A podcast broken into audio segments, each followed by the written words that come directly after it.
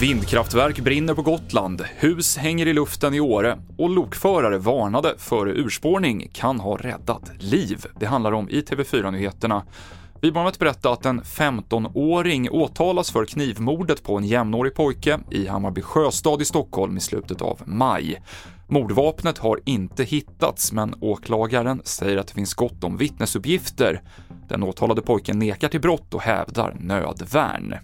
Det brinner i ett vindkraftverk i en vindkraftspark på Näsudden på Gotland. Räddningstjänsten uppger att det brinner i motorrummet, men att det är för högt upp för att man ska kunna nå dit och släcka, så vindkraftverket kommer att få brinna ner. Ett antal vädervarningar gäller på grund av ovädret Hans som medför stora regnmängder och hårda vindar. I Åreby regnade det så häftigt att det fick Susabäcken att översvämmas och människor uppmanades hålla sig inomhus under morgonen och förmiddagen. Den faran är nu över, men tågtrafik och vägar väntas vara avstängda i flera dagar framåt. Bara E14 är öppen.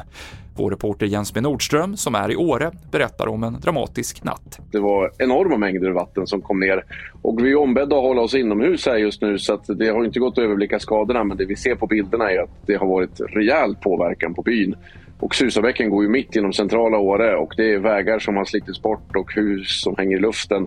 Och det eh, har varit rejält mycket som har hänt här i natt. Och vi direkt rapporterar om ovädret och störningarna som det medför på tv4.se. Och gårdagens tågurspårning mellan Iggesund och Hudiksvall kunde ha slutat värre enligt Trafikverket. P4 Gävleborg rapporterar om att en lokförare larmade om att banvallen var underminerad på grund av regn, vilket gjorde att trafikledningen minskade hastigheten för det tåg som sen spårade ur. Två vagnar hamnade på sidan, men ingen skadades allvarligt vid urspårningen. Det avslutar TV4-nyheterna.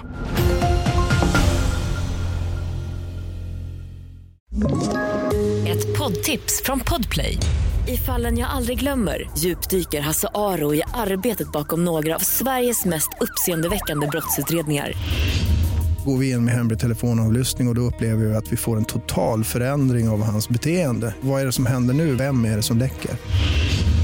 Och så säger han att jag är kriminell, jag har varit kriminell i hela mitt liv men att mörda ett barn, där går min gräns. Nya säsongen av Fallen jag aldrig glömmer på Podplay.